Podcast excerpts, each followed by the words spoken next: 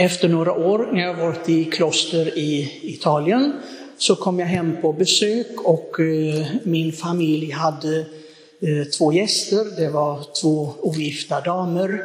De var väl i 70-årsåldern och eh, de var systrar.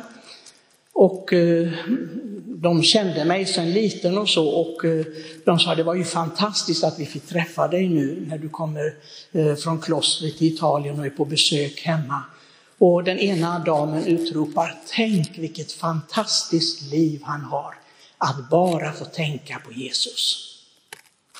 Jag har tänkt ofta på de orden. Det var en frikyrkodam, hon var inte katolik, och, men hon förstod precis vad ett kristet liv och i synnerhet ett klosterliv betyder. Att tänka enbart på Jesus. Jag har tänkt på det många gånger när liksom de olika uppgifterna tar ens tanke och uppmärksamhet i församling, i kloster och så. Man kanske inte direkt tycker att man tänker på Jesus hela tiden, men naturligtvis har det med honom att göra. Och det är det som eh, just firandet av de första lördagarna, fredagar och lördagar handlar om. Idag firar vi alltså Marie obefläckade hjärta enligt budskapen i Fatima. Ja, egentligen Pontevedra i Spanien. Där Herren säger till syster Lucia just att han vill ha denna gottgörelse, det som vi ska be också i bönen efteråt. En gottgörelse för att människan inte uppfyller det som Gud har befallt oss och det var ju passande den första läsningen. Det handlar om det första budet som Gud överhuvudtaget ger människan. Det dubbla kärleksbudet. Du ska älska Herren din Gud av hela ditt hjärta, av all din själ, av all din kraft, av allt ditt förstånd och din nästa som dig själv. Jag säger ofta att det borde vara en bön som varje kristen ber varje dag. Det borde någonting så att vi påminns om detta. För det är ju grunduppgiften som vi har som kristna. Vi borde varje dag be, Herre ge mig den största av alla nådegåvor. Det är så jag ber. Förutom frälsningens gåva naturligtvis, som är den största av alla gåvor som Gud ger. Att jag får älska dig av hela mitt hjärta, av all min själ, av all min kraft, av allt mitt förstånd. Och min nästa så som du vill att jag ska älska min nästa, inte på något annat vis. Jag undrar om inte Maria bad på det viset. Kanske inte med de orden, men att hon bad så att hennes liv ledde fram till detta, det är någonting som jag förstår. Maria hade ett obefläckat hjärta, ett, ett rent hjärta. Och Jesus, hennes son, säger saliga de renhjärtade för de ska se Gud. Jag tror att var och en av oss som vi lite gör samvetsrannsakan så ser vi nog att vårt hjärta inte är så rent egentligen. Det finns många saker, mycket som drar hit och dit i vår själ, i vårt hjärta. Men den andra läsningen, evangeliet idag, det är egentligen en anklagelse som Jesus gör till de närvarande att de inte har tro. Men det är också upplyftande, för han säger om ni har tro nog som ett litet senapskorn så kan ni förflytta berg. Och jag hör många gånger i bikten, i andliga samtal, människor säger, men jag kan inte göra någonting åt det här, jag, jag är sån. En slags ursäkt för att inte förändra sig och tycker att det har gått år och år och jag har samma problem hela tiden. Men Jesus skulle säga precis samma sak här. Detta fördärvade släkte som inte vill tro. Varför kunde inte vi driva, ut demonen? Varför kunde inte jag förändra detta i mitt liv? Varför kunde inte jag komma till rätta med det här problemet? Och Jesus svarar, därför att er tro är svag. Därför att er tro är svag. Och sannerligen om ni har tro så stor som ett senapskorn så kan ni säga till det här berget, för många gånger blir det ett berg, de här problemen vi har i vårt liv, inre och yttre. Om du har tro, flytta dig dit bort och det kommer att flytta sig. Ingenting blir omöjligt för er. Så det handlar alltså om att ha den här tron, men att vilja det. Vill vi inte, då blir det ju ingenting. Och det är det som är problemet igen, vår vilja. Maria hon svarar, ske med mig som du vill i bebådelsen. Hon drar aldrig tillbaka det här.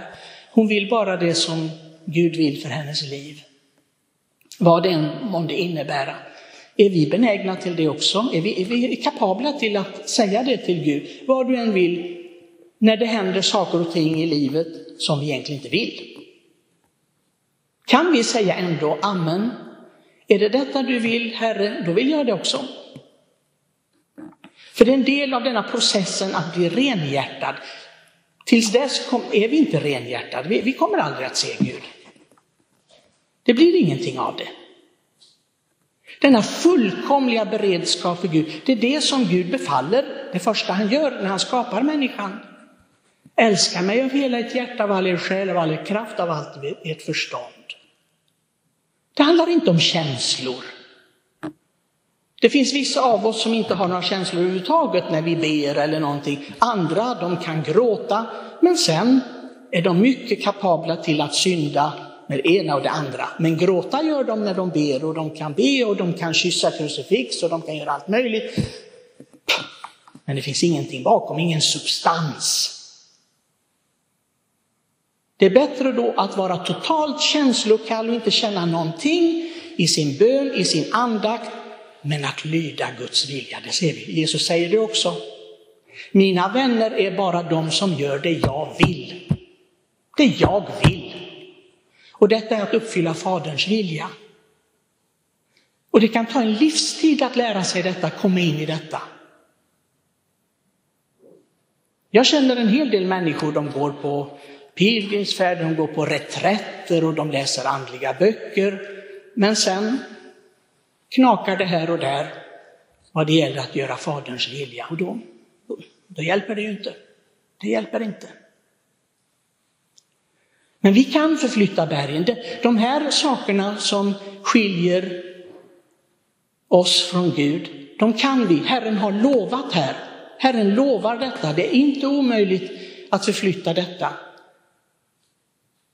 Det må vara brist på kärlek till nästan, det må vara okyskhet, det må vara girighet, det må vara, jag vet inte vad. Alla möjliga saker. Men Herren har lovat oss att har vi bara tro på honom, då kan vi förflytta berg. Och det är de här bergen vi ska flytta, inte Kebnekaise eller Omberg eller vad det nu kan vara. Det är de som menas. Jag hoppas alla förstår det. Det är de bergen i vårt inre som vi ska flytta. Och det handlar heller inte om andra människor, för många gånger tror vi att problemen är bara andra människor. Nej, nej mina kära. Problemet är här inne, i mig.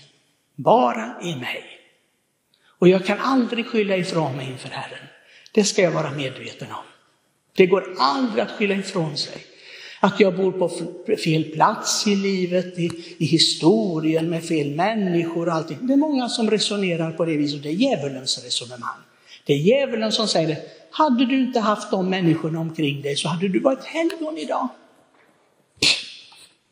Inte alls. Inte alls. Dumheter. Och tyvärr är det många som inbillar sig detta. Och vi har exempel i, våra, i vår orden. Nu så gör vi en novena till helige Maximilian Maria Kolbe. Många i vår orden säger, om jag bara får vara i ett annat kloster, åh, då gör jag framsteg i andligheten. De blir ännu värre när överordnade flyttar dem. Värre och värre från kloster till kloster. Den helige Maximilian, det är förresten Lidias mamma som har målat den här, som vi är så stolta över, som vi brukar ha in, in i affären här i vanliga fall, för det heter ju Maximilians bokaffär. Maximilian han skrev i sin dagbok, och jag slutar med det, för det är någonting att tänka på för oss alla. Han skrev det väldigt ung. Han skrev, jag ska bli ett helgon och jag ska bli ett stort helgon. Han vill inte bli ett medelmåttigt helgon. Det, det låter övermodigt, men det är det inte alls. Det är, precis, det är precis det som jag läst i läsningarna, vad Herren vill. Och han blev det också.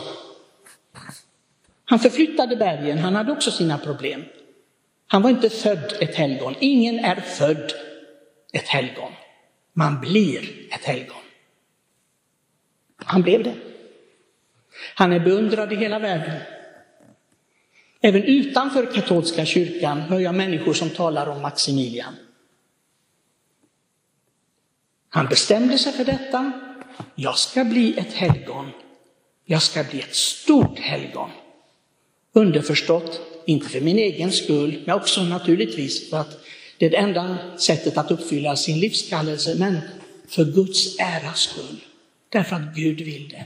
Och det skrev han också, för att Gud vill det. Jag hoppas att ingen av oss tror att det handlar bara om vissa utvalda, eliten i kyrkan. Maximilian han förstod att det är för oss alla. Och som Moder Angelica brukar säga, du ska bli ett stort helgon. Missa inte chansen.